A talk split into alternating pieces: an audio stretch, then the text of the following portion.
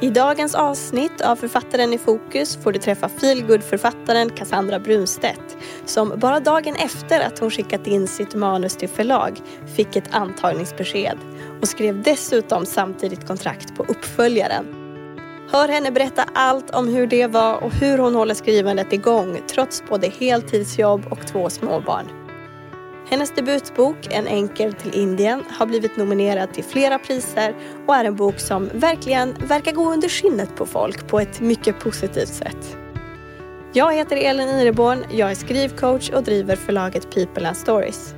Och det här är Författaren i fokus.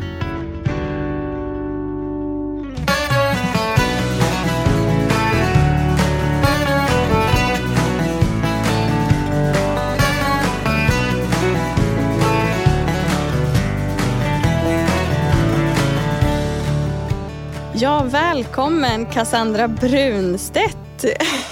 Tusen, tusen tack. Och äntligen så får vi till den här inspelningen. Eh, vi har ju ah. tänkt spela in redan sedan eh, i våras när din debutbok En enkel till Indien först släpptes. Eh, men så har vi behövt skjuta på det av olika anledningar men nu äntligen så är vi här. Ja men det känns så bra. Jag är så pepp faktiskt. Ja, ja men jag med. Eh, det blir jättekul att prata med dig. Och nu har det ju hänt en del sen, sen, dess, att vi, eh, sen dess att boken släpptes. Hur har mottagandet varit? Ja, men det har varit över all förväntan. Jag hade inte så höga förväntningar alls. Jag har hört att vissa debutanter verkligen tror att man ska få recensioner och, och liksom att det ska skrivas om den och att uh, de här bookstagrammers ska läsa den och, och, sådär. Jag hade ingen sån tanke. Jag tänkte snarare tvärtom. Att så här, vem förutom mm. mina närmsta vänner och familj kommer att köpa den här boken? Och... Uh, jag har också tänkt att den kanske är lite smal. Eh, jag vet inte de som har läst den vad de tycker. Men ja, jag trodde inte att det skulle bli det här Alltså för mig har det ändå varit så överväldigande mottagande. Först och främst att den har, men nu har vi tryckt upp en, ny upplaga, att, att den har sålt bra.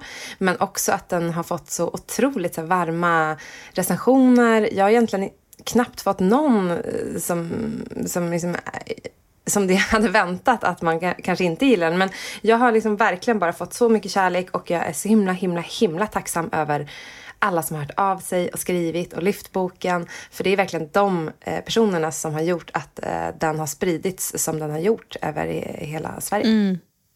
Och om du skulle kort eh, berätta lite för dem som inte har hunnit läsa En enkel till Indien än, så vad, vad handlar den om? Ja, men många tror ju att eh, den är ganska baserad på mitt liv eftersom eh, bara om man går till fakta så, så hade jag, jag har jobbat som moderedaktör väldigt mycket och inom mediebranschen och så, som min huvudreda, eh, huvudredaktör, tänkte jag säga, huvudkaraktär Ella Frank också gör. Mm. En dag så får hon förfrågan att gå in som chefredaktör för världens största modemagasin som ska lanseras i Skandinavien. Och eh, jag har väl haft, inte exakt det jobbet, men, men liknande roller kan man säga. Eh, och det går ju hur bra som helst till en början och det är en helt ny värld som öppnar upp sig av möjligheter och väldigt mycket pengar på banken varje månad och champagnemingel och eh, ja, men härliga människor och, och sammanhang helt enkelt. Och hon trivs jättebra. Men snart så börjar det att eh, gå utför kan man säga. Hon hamnar i en nedåtgående spiral och eh, ja, men en olycka kommer ju sällan ensam och så är det även i det här fallet. Då. Så utmattad och eh, besviken kan man säga eh, bokar hon en enkel biljett till Indien där hon checkar in på ett ashram och eh, där tar livet en vändning kan man säga. Hon träffar massa olika människor, bland annat en meditationslärare som heter Amit som mm, öppnar upp hennes ögon på fler sätt än vad hon trodde var möjligt kan man säga. Mm. Och i, i verkligheten då, om jag ska referera till eh, att det finns likheter med mitt liv, så, så var det exakt så att jag sa upp mig från en eh, väldigt hög chefstjänst inom eh, mode och media. Och sen så bokade jag också en enkel biljett till Indien och åkte, tog allt, tog allt tänkte jag säga, nej men släppte allt hemma och åkte dit själv i sju veckor ungefär. Och ehm, Ja, så att eh, vi, har, vi har en del likheter och när jag skrev boken så har jag absolut utgått en hel del från egna dagböcker som jag skrev under tiden jag var där. Och hur, hur har det varit, just den processen att, att försöka liksom, titta in i sig själv och se, plocka saker därifrån? Mm. Det har känts väldigt naturligt för att när jag började skriva, jag har alltid varit en skrivande person, men när jag skrev där på plats på in, i Indien så var det inte för att det skulle bli en bok utan för att, ja men precis som jag brukar använda skrivandet, någon form av terapi, att jag skriver ner tankar och känslor och, men även så insikter och lärdomar som jag får längs vägen. Och där i Indien så fick jag ju för första gången ganska mycket tid över till mig själv. Tid för reflektion och, och, tid för att sitta och skriva. Så jag skrev egentligen varje kväll under hela den här vistelsen. Så när jag kom tillbaka så hade jag tre hela anteckningsböcker fyllda med, med egentligen research. Och det var ju då jag bestämde mig för för att jag hade för första gången i livet en, som jag kallar en liten lucka eftersom jag hade ju inget jobb fortfarande. Eh, och eh, ja, eh, skulle fylla de här dagarna så då kom den här romandrömmen eh, som jag egentligen haft hela mitt liv upp och så tänkte jag, nej men nu slår, slår jag sak i saken och, eh, och började skriva helt enkelt. Och då utgick jag lite grann ifrån mina egna tankar och känslor som jag hade haft i Indien då. Och sen så formades den här boken till någon blandning av verklighet och fiktion. Mm. Nej, men det är väl det folk ofta säger, att börja gräva där man står börja titta på. Men vad mm. finns det för händelser, eller upplevelser eller känslor i mitt liv som jag kan börja skriva utifrån? För, för skrivandet kommer ju, måste ju komma inifrån en själv. Verkligen. Och, och det är ju svårt, tror jag, att bara hitta på liksom helt helt frånskilt från en själv. Alltså även om man skriver fantasy så tror jag också att man tar väldigt mycket av, av sina egna upplevelser och känslor, drömmar, tankar och människor man mm. möter mm. eh, som man inspireras av. Så det var väl helt enkelt ett bra, en bra timing där. Med att du både hade en, ja. en tidslucka och eh, massa erfarenheter i bagaget med dig hem. Ja, och, och den boken, den, jag brukar säga att den nästan skrev sig själv, men den gick väldigt snabbt att skriva, grovmanuset. Men sen så, ja vi kommer ju komma in på det då, så, så insåg jag ju att redigering var ju mer än halva jobbet med en bok. Det hade jag inte riktigt förstått. Jag tänkte mm. så här, mm. nu är den typ klar och nu ska den in till eh, förlag. Men sen så tog det ju väldigt, väldigt mycket längre tid när jag började att eh, skriva om den och ta hjälp och um, ja, fick lite eh, ja, men lärdomar längs vägen. För det här har verkligen, bokskrivandet har för mig varit en, nästan som att gå en kurs brukar jag säga. Mm. Men i, som i vad som helst så, så lär man sig saker längs vägen och, och, man kan absolut ha talang för saker men precis bokskrivande tycker jag i alla fall är, det går att likna med andra saker man vill lära sig och bli bra mm. på. Eh, och eh, för mig har, har, jag absolut både tagit hjälp längs vägen i form av liksom lektör, men jag har också lyssnat på så mycket poddar, så mycket läst skrivböcker. Har inte gått någon skrivkurs, men allt annat som man själv kan söka upp har jag tagit hjälp med längs mm. vägen. Precis, och för vi känner ju varandra lite sen innan eftersom jag ju lektörsläste din första version ja. av manuset, eller jag tror att det var den, ja, den första i princip i alla fall. Precis. Eh, och så det är ju så himla roligt att se nu att den faktiskt blev antagen. Eh, men det var ju ett, ett stort jobb där också, ja. minns jag, från det att du fick, eh, fick responser från mig till att du sen skickade in den. Verkligen. Vad, vad gick genom dina tankar när du, när du fick responsen från mig? Det var väl runt åtta sidor om mm. manusets eh, styrkor och förbättringsområden. Mm. Eh, vad, vad tänkte du då? när du fick det i handen? Ja, alltså jag tror inte egentligen att det var någonting som du anmärkte på som jag inte själv hade tänkt på. Jag tror att det är så i jättemånga fall att man, mm. alltså i mitt fall så är jag, jag har ganska dåligt tålamod, jag skriver väldigt fort. Eh, och sen så kanske jag kände så nej men det här kanske inte blev jättebra. Men jag skyndade vidare till nästa kapitel och så tänkte jag så ja men det blir nog bra. Eh, så att jag har lärt mig jättemycket i det här bokskrivandet om att man måste låta saker ta tid och man måste alltså, låta manuset vila ibland. Eh, för man blir helt blind mm. över det man själv har skrivit. För det är ju, den här boken som jag skriver är ganska lång. Den är ju 345 sidor eller något sånt. Så det är nästan helt omöjligt att inte låta någon annan kolla på texten skulle jag säga för att man ska få rätt eh, inputs eh, och, och liksom kunna göra de här förbättringarna som verkligen gör boken till slutprodukten, vad den mm. är. Och det var ju något helt annat i början och det var helt annat när jag skickade till dig men det var också något helt annat när jag blev, ja inte helt annat men den har ju förbättrats flera gånger om under sen den blev antagen till förlag också. Mm. Det kanske man inte tänker på när man inte själv har gett ut en bok men det är ju ett långt, långt arbete. Eh, man blir antagen och så tänker man att det är manuset som kommer ut. Men sen så börjar ju ett jobb med en redaktör och man börjar liksom slipa på ja, men allt ifrån dramaturgin och lite grann handlingen till eh, ja, men ner till ordnivå helt enkelt. Mm. Eh, men så att du gjorde lite ombearbetningar efter eh, att du fick eh, lektörsutlåtandet från mig och mm. sen mm. skickade du det till förlag. Mm. Och vad jag har hört så var de väl ganska överväldigade glada. Mm, ja. Vill du berätta lite om, om den processen ja. när du blev antagen? Ja, jag hade ju sett ut och gjort research som man ska och hittat fyra förlag som jag ville skicka till. Och bland annat så var det LB förlag, eh, Louise Bäckelins förlag som jag har idag. Men när den här dagen kommer mm. och jag ska skicka in manuset så går jag in på hemsidan och så står det helt plötsligt från ingenstans att de har manusstopp. Eh, så det står att de tar inte emot manus mm. resten av året för de har fullt. Och då kände jag så här, va? Eh, det här var verkligen ett av de förlagen som jag eh, trodde att jag skulle passa väldigt bra på. För jag tänkte att de har ganska liknande titlar. Jag tänkte att Louise skulle kunna göra ett bra jobb med den här boken och att de skulle kunna marknadsföra den bra. Och jag kände i energin att så här, ja, men jag, det här är verkligen ett förlag som jag inte vill missa och ge chansen. Mm. Men eftersom de hade ju inte någon manuskorg att skicka till så gick jag in till eh, ja, kontaktsidan helt enkelt och så tog jag Louise eh, direkt mejl. Och så skrev jag till henne att eh, ja, jag har sett att ni har manusstopp just nu men jag tänkte ändå skicka den här boken för att jag tror att den skulle passa jättebra hos er. Och sen var det inget mer med det och så trodde jag, ja men jag kommer inte höra någonting på, ja men det folk säger, tre till fem månader ungefär. Eh, så att jag, dagen efter så var jag ute och gick med min son Hamilton som var väldigt liten då. Och eh, så får jag en notis på telefonen och jag ser ju att det är ifrån eh, henne då, Louise. Mm. Och jag kände så här, men gud vad snabbt, men det måste ju vara något standardsvar, så tack för mejlet och så.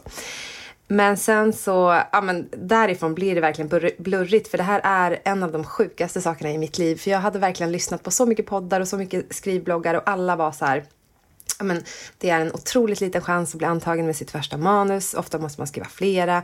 Det är en handfull per år som blir antagen liksom, eh, av flera tusen som skickar in. Och, ja, men jag hade verkligen inga förväntningar på att det skulle gå så fort. Men redan i mejlet, och det var det jag också kände så här, va? Ska man inte ta ett möte först? Men det står liksom redan i mejlet att eh, hon har läst den en och samma kväll och hon älskade den och hon vill ge ut den och hon vill erbjuda mig ett kontraktsavtal. Ja.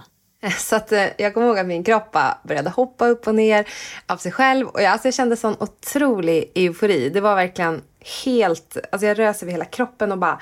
Nej men gud, det här är en film. Det här händer liksom inte. Och ja, eh, ja sen så några dagar senare så, så sitter vi mitt emot varandra på förlaget i stan i Stockholm. Och eh, då så säger jag att jag vill skriva en uppföljare, men jag hade inte skrivit en uppföljare. Jag hade inte skrivit en rad på en uppföljare. Men jag hade en baksidestext, så att jag läste upp den. Och då så säger Louise att eh, vi tar den också. Så att eh, hon mm. gick och satte sig vid datorn och så skrev hon om kontraktet och så gick jag därifrån med ett eh, tvåbokskontrakt. alltså, åh, det, jag får rysningar. Det här är ju verkligen så sjukt. Det är som, som eh, ja. taget från en saga, som du säger. så verkligen. Ja, och, ja. Men, ja, men så underbart. Eh, och det är väl lite som du säger där, du kände några vibbar från LB förlag och de kände väl vibbarna tillbaka.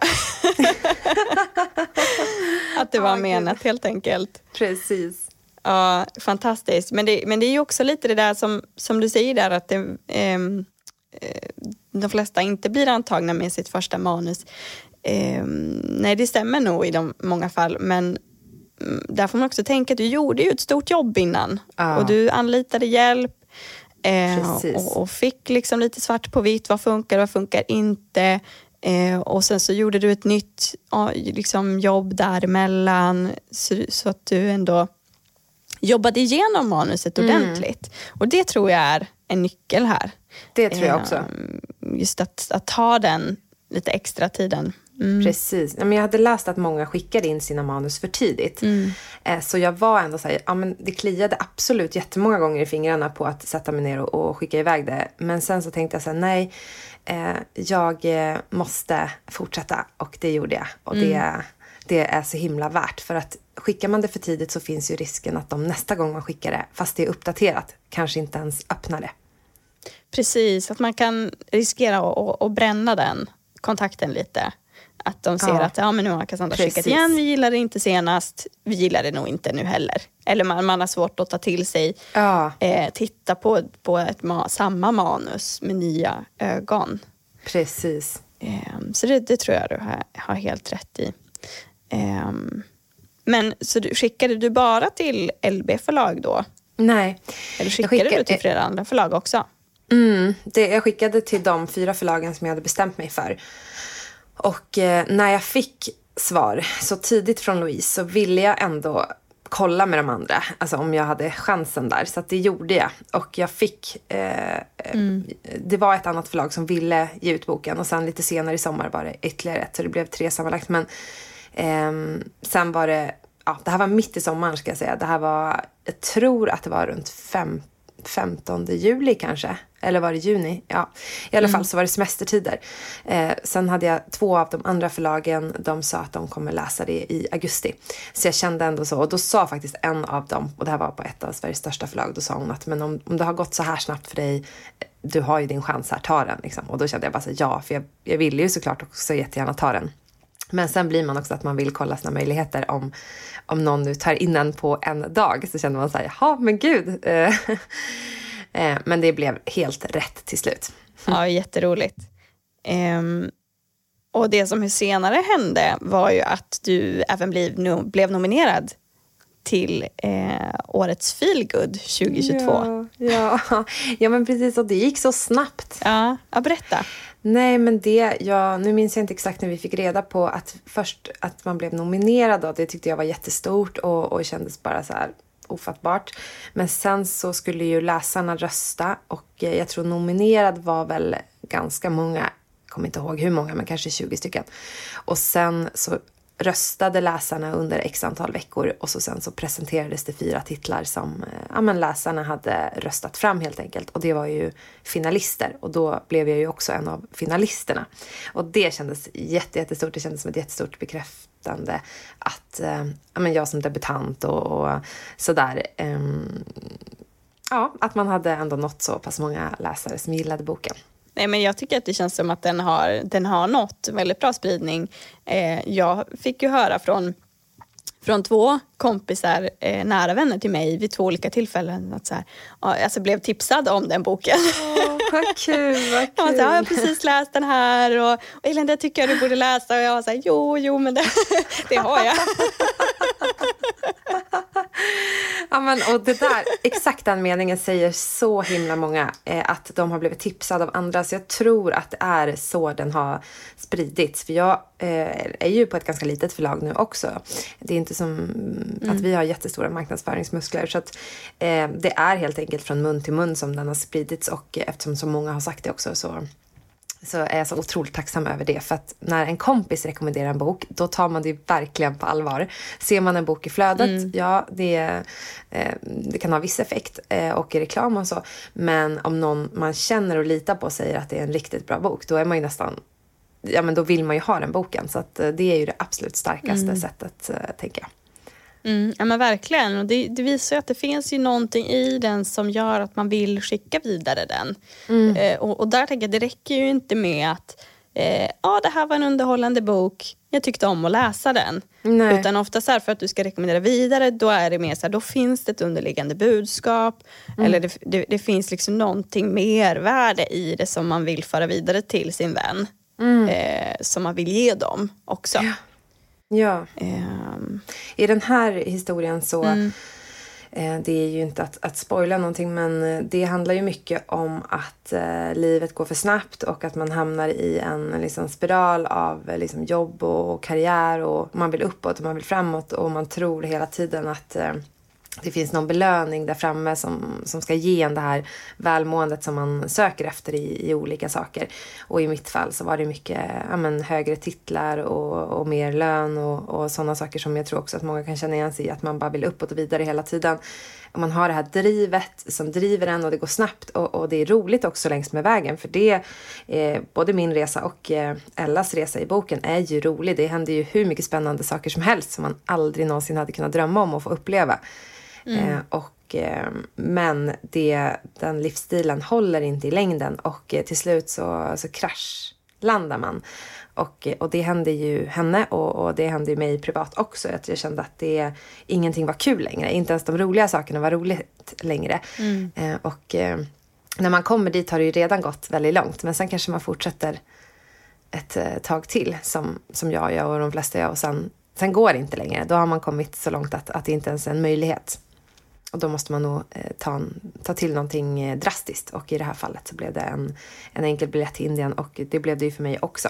Eh, men det kan ju bli olika saker för olika personer. Mm. Nej men precis, jag tror många kan känna igen sig i bara den här känslan av att nej men jag släpper allt. Jag släpper allt nu bara, drar till Indien, mm.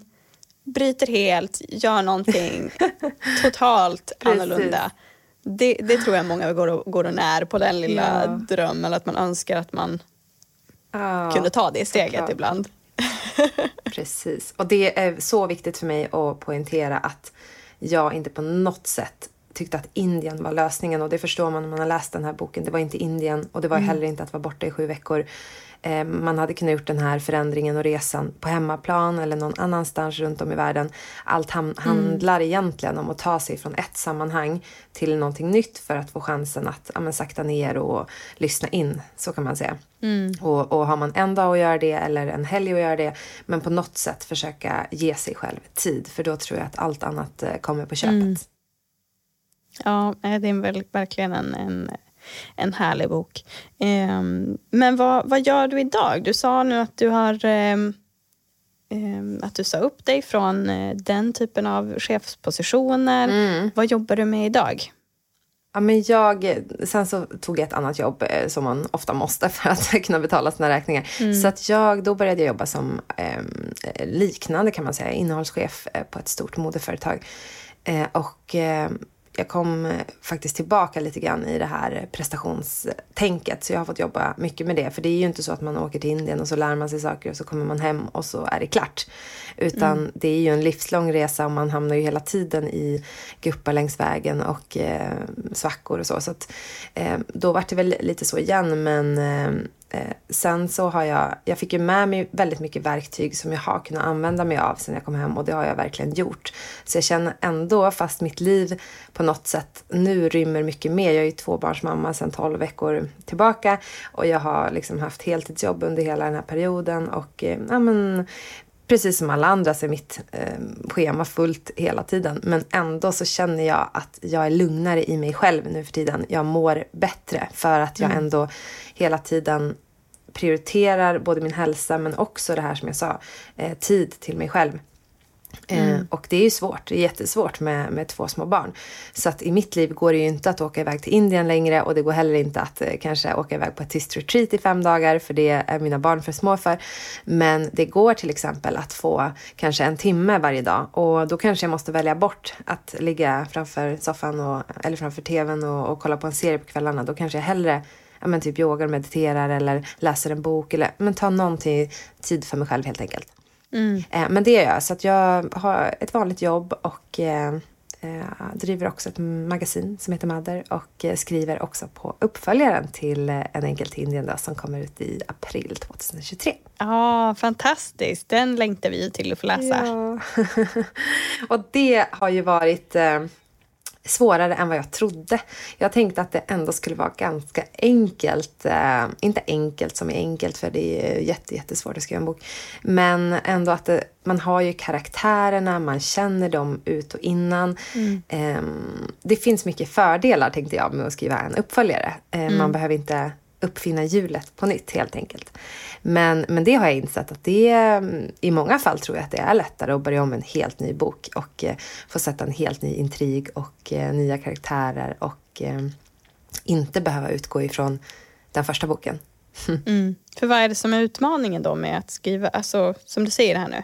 Ja men om man tänker så dramaturgiskt så har ju eh, den här huvudkaraktären, hon har ju gjort en enorm resa. Mm. Eh, och eh, så avslutar vi henne på en, på en bra plats i livet. Och sen så ska hon, eh, för, för så fungerar ju alla böcker, att de måste ju ha en, en resa, det måste ju bli en, man måste ju utvecklas längs med vägen, de här karaktärerna som man skriver om.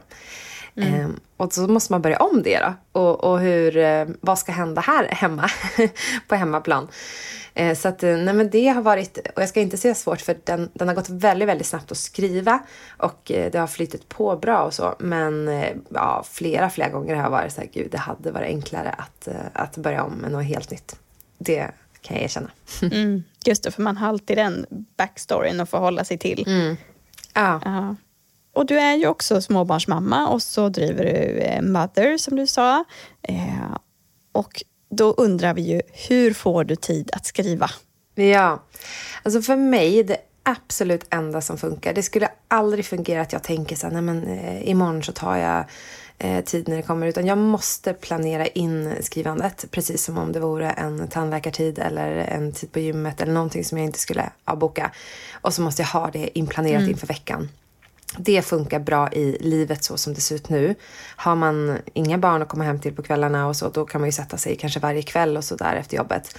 Det har jag ju kunnat gjort tidigare. Mm. Men just som det är nu, då måste jag prata ihop mig med min man och så måste jag vara så här, men kan du ta Klint då, som våran eh, yngsta heter, eh, två timmar där om du har till exempel lunch eller så. Och eh, så får jag tid att skriva. Mm. Eh, så så ser det ut just nu. Och jag rekommenderar väl ändå att eh, Alltså jag tycker det funkar väldigt bra att pla planerad skrivtid helt enkelt. Det funkar superbra och eh, det hade jag kunnat gjort innan också, fast då hade jag inte det på samma sätt. Men jag tycker det funkar jättebra. Och sen eh, att man måste förstå att man måste välja bort andra saker. Och ofta mm. väljer man bort roliga saker. Eh, och i mitt fall då som småbarnsförälder så förstår man ju att jag måste välja bort tid med familjen ibland. Så är det. För annars skulle det aldrig kunna bli en bok. Och jag skulle jättegärna vilja ha varenda minut med mina två pojkar. Men ibland på lördag och söndag. det är ju väldigt bra dagar eftersom min man är ledig då. Mm. Och då kan ju han ta barnen till exempel till lekparken i en och en halv timme och så sitter jag och skriver. Jag sitter aldrig och skriver en hel lördag eller en hel söndag för det vill jag inte, den tiden vill jag inte tappa. Mm. Men jag tror bara att man måste förstå att man kan inte få allt. Man kan inte få kakan och äta upp den. Så att det blir att man tar av sådana roliga saker som familjetid, eh, social tid med kompisar, en AV på onsdag kväll till exempel kan jag välja bort helt under eh, en intensiv skrivperiod och samma sak med, med en lunch med en kompis. Ja, ja, men då blir det det jag väljer den dagen och väljer det framför skrivtiden när den måste tas. Eh, det låter kanske lite eh, tråkigt, eh, men annars hade det inte kunnat blivit en färdig bok, så kan jag säga. Mm. Ja, Nej men det är ju precis som du säger. Det, det är ju någonting som tar mm. väldigt mycket tid. Särskilt om man vill att det ska bli en hel bok i slutändan. Mm. Um, så då är det ju någonting som man behöver prioritera upp, precis som alla andra saker som man ja. prioriterar eller nedprioriterar i livet. Mm, verkligen. Och för mig har det varit väldigt viktigt med ett levande manus och jag tror att många håller med där. För att bara man kommer bort från sitt manus i, i en vecka så kan man vara så här, ja, men man glömmer bort massa små detaljer och sen när man ska läsa om texten känner man så här, men va? Kom hon tillbaka här? Den åkte ju på en semester eller ja. vad som helst. Eh, så att jag tror att det är också en nyckel att eh, försöka hitta den här skrivtiden ganska löpande eh, och var i ditt manus, lev i ditt manus. För det är då det här manuset, karaktärerna liksom börjar viska saker nästan varje kväll och bara så här ding! Och så skriver man upp det på telefonen för att man hela tiden är också parallellt i den här mm. världen. Så funkar det i alla fall för mig. Så att när jag står på dusch, i duschen på kvällen så kan det vara så här, men gud, eh, Shirin ska ju säga så här för att hon tänker ju så här. Och så bara, gud, det här måste jag skriva upp för att jag inte ska glömma det, för jag glömmer det alltid mm. om jag inte gör det. Eh, och, och den, jag tycker det är roligt eh, att vara så inne i manuset att eh, det blir som personer som ja, viskar små saker om vilken väg mm. de vill ta framåt. Ja, det låter ju så himla häftigt. Men och hur, hur, när kommer man till den punkten? Eller när kommer du till den punkten att du känner så? För, för som nu har du skrivit eh, först en enkel till Indien och sen antar jag gissningsvis att du kanske pausade skrivandet lite och det var mycket med, med promota boken nu här under våren och med mm. nomineringen och du var på Feelgood-festivalen ja. och mycket sånt. Eh, pausade du skrivandet där eller började du direkt att skriva på uppföljaren? Nej, det gjorde jag inte. Tyvärr. Eh, jag önskar att jag hade kunnat sagt ja, att jag hade börjat nästan direkt när jag fick kontrakt parallellt. Men det var så mycket mer jobb än vad jag trodde mm. med En enkel till Indien när den blev antagen. Eh, annars hade man ju kanske kunnat börja med uppföljaren redan då. Mm. Eh, så jag sköter det här framför mig och framför mig och framför mig. Inte för att jag eh, liksom har varit att jag inte vill eller att jag är lat eller så, men bara för att den andra har tagit så mycket tid. Och den kom ju ut i slutet av april. Mm. Och sen var det verkligen, det var så mycket där efter releasen och eh, ja, men, olika event som jag var med på, olika intervjuer och, och ja, marknadsföra boken helt enkelt, skriva om den och, och sådär. Och, um, nej, så att det vart liksom tidigast eh, till sommaren kan jag säga som jag började med uppföljaren. Eh, och sen skulle ju den in, mm. eh, kan du tänka dig också då, någon månad senare, eh, till redaktör. och ja, det... ja, precis, det här ville ju inte för, eh, förlaget höra. Men så var det ju i verkligheten. Och ehm, nej, men jag och, och, och liksom höggravid, eh, hade en ganska jobbig graviditet, väldigt lite energi. Jag är en ganska högenergisk person i vanliga fall, men just under min graviditet så så var jag tvärtom kan man säga. Så jag ville egentligen bara helst mm. ligga på soffan och äta chips varje dag. Eh, och i vanliga fall så liksom, väldigt aktiv och, och tränar och eh, har mig hela tiden. Så det var ju något helt, helt eh, eh, annat eh, som jag kunde utgå ifrån. Den liksom, lilla energin jag hade behövde fokuseras på rätt saker. Och då hade jag ju också såklart en liten pojke då, som var ett år. Då eh, och jobb. Eh, så att, nej, men det blev tidigast på semestern eh, som det kunde få min fulla uppmärksamhet i form av att jag började så här, okej, okay, jag har ett synopsis, hur ska jag lägga upp de här kapitlerna? Ehm, började skissa på dem. Jag hade ju en baksidestext, jag hade också en, en ganska bra synopsis sedan tidigare. Ehm, men började utveckla den och sen så började jag bara skriva. Och eh, som tur är har ju skrivandet alltid... Alltså jag har ju jobbat med skrivande ska jag också tillföra i, mm. i hela mitt vuxna liv som journalist eh, av olika slag. Så att just skrivandet känner jag både med en, en enkel till Indien och uppföljaren, det, det flyter på. Jag har aldrig fått skrivkramp eller så. Utan när jag väl sätter mig på rumpan och tar tiden så mm. kommer mm. texten ner på pappret. Mm. Och det är jag ju jättetacksam över. Och det gjorde den den här gången också. Men vad är det för text som kommer ner på pappret? Det kände jag bara så när jag läste igenom den första gången. Det här är ju ren skit. och då är det liksom en och en halv månad till den ska in. Eh, så. Men sen, alltså det som är så coolt med redigering, och jag har alltid sagt att jag inte gillar det. Eh, men nu känner jag tvärtom. Det är ju helt fantastiskt hur någonting dåligt kan gå till någonting halvbra, kan gå till någonting, ja men gud, det här typ rätt bra, till att man till slut tycker att det är en bra bok. Det är mm. jätte, jättekonstigt och det är ju för att den, äh, texten arbetas om och arbetas om och arbetas om och man läser den högt och man ändrar och man tar bort ett kapitel och man lägger till ett kapitel. Så det är kanske inte så konstigt, men det är verkligen som att en diamant slipas.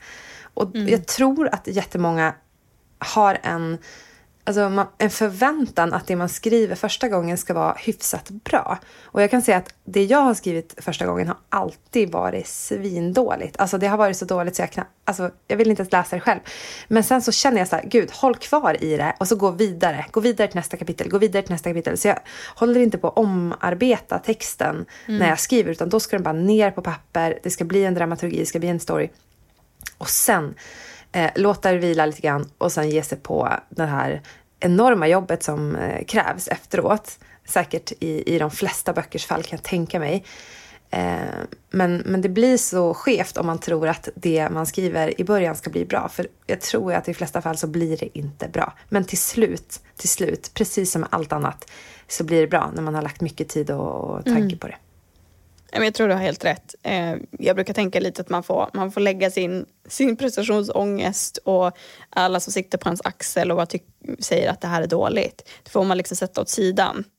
Och så säga nej, nej, nej, nej, vänta nu. Ja, nu skriver Precis. jag. Nu skriver jag bara så att det blir text. och när det är text så kan man utveckla den texten. Precis. Göra den bättre. Eh, för, det, för det, annars är ju risken att man dels att man bara fastnar ah. och inte kommer vidare. Men också att när man skriver så, så händer det ju saker med manuset hela tiden. Ja. Precis som du säger, man vill lägga till ett kapitel. Man vill eh, ta bort ett kapitel, men ta bort en karaktär, byter mördare eller du vet sådana saker. Och har man då suttit och förfinat sina kapitel le- as you go, liksom längs med vägen hela tiden och skrivit dem perfekta.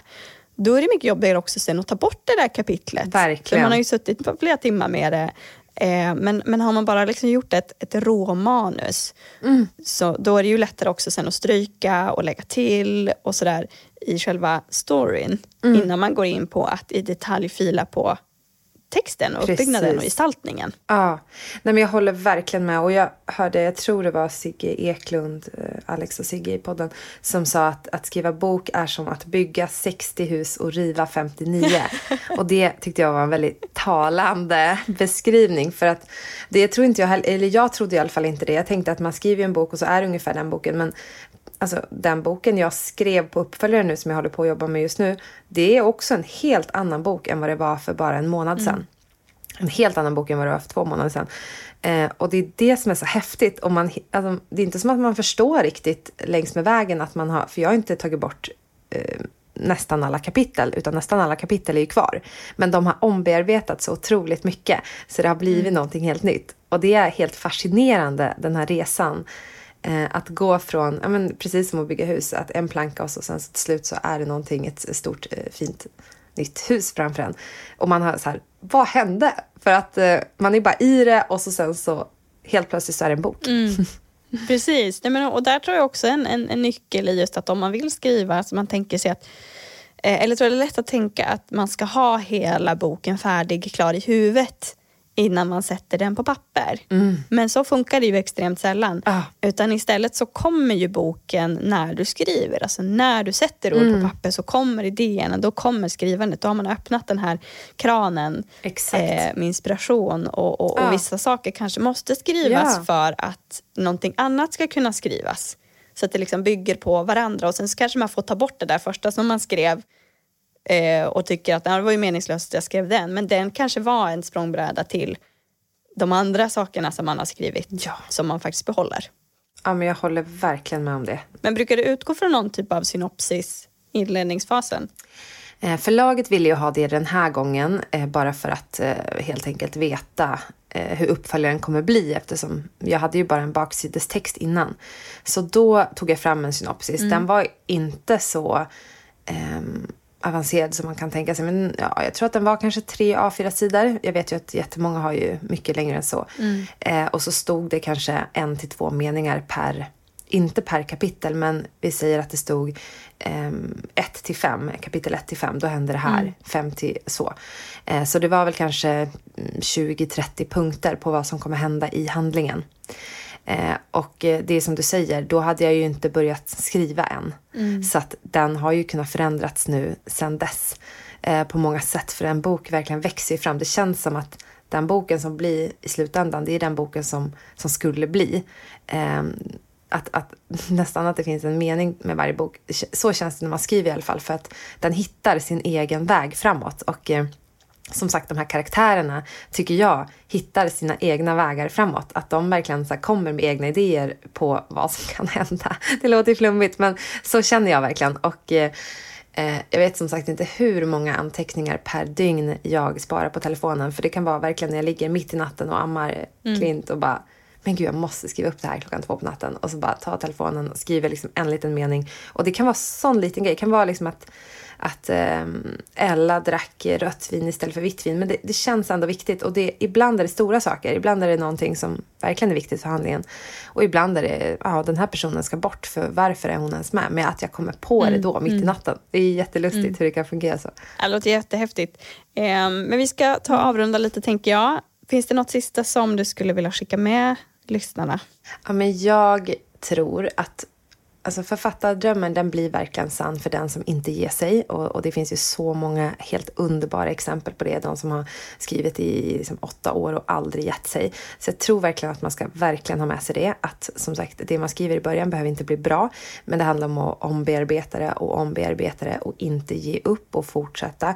Kanske inte skicka in manuset för tidigt som vi sa. Utan verkligen ha tålamod fast det är så, så, så svårt. Eh, och sen så tror jag eller jag känner att jag vet att alla människor har så otroligt mycket inom sig. Alltså så himla många som jag brukar säga skatter som väntar på att få komma ut i olika former. Och det kan vara, vill man skriva en bok så tror jag att det är för att man ska skriva en bok om man har känt så någon gång. Då ska de här skatterna ut i form av en bok. Men det kan ju också vara att det kan vara att du, du bara ska börja öppna upp och prata med en vän eller börja skriva för din egen skull eller göra någonting annat kreativt så du får utlopp för det här. Men använd dig av den här styrkan som du har inom dig. Eh, för den tror jag verkligen kommer guida dig rätt. Och med det sagt så att gräva där man står tycker jag var en var ja, det hjälpte mig oerhört mycket att slippa första boken göra så mycket research. Utan jag hade ju upplevt nästan allting som Ella själv hade upplevt. Mm. Och jag kunde gå till vilka tankar och känslor jag hade då. Sen så vart det fiktion ganska mycket i den här boken. Men eh, det, det gjorde ju processen enklare. Så att ju närmare dig och allt du har upplevt. Och jag tänker att alla människor har upplevt så otroligt olika saker och, och det finns ingenting som är mer spännande än det andra. Det är bara att eh, utgå ifrån tidigare erfarenheter så tror jag verkligen att man har så mycket roliga saker till en, eh, en roman om man vill skriva det. Mm. Underbart. Tack mm. så jättemycket Cassandra. Nu ser jag i alla fall väldigt mycket fram emot uppföljaren. Tusen tack. Mm. När kommer den sa du? Den kommer, det står 12 april står det eh, på boktjänsterna just nu. Och sen har jag ju faktiskt också, jag glömde att säga det, men jag har ja. en faktabok som kommer ut i augusti som heter Lyckomanualen. Som, um, där jag och uh, en kollega, journalistkollega som, som jag också driver det här magasinet Mother med, jag och Theresia Ehm, vi ja, försöker hitta hur blir man lycklig nu för tiden och vi pratar med en massa läkare och experter och psykologer och så. Och sen är den ganska personligt skriven. Mm. Ehm, så den kommer också ut i augusti. Ja, vad mm. spännande. Mycket som händer. Ja. ja men tack så mycket Cassandra för att du var med i podden och stort lycka till Tusen, tusen tack för att jag fick vara med i podden. Det var jätteroligt. Ha det så himla bra. Jag har det bra. Och stort tack till dig som har lyssnat. Om du fann det inspirerande får du jättegärna tipsa andra om det. Mig hittar du på Instagramkontot Elin Ireborn och peopleandstories.se. Ta nu hand om dig och ha en riktigt fin dag.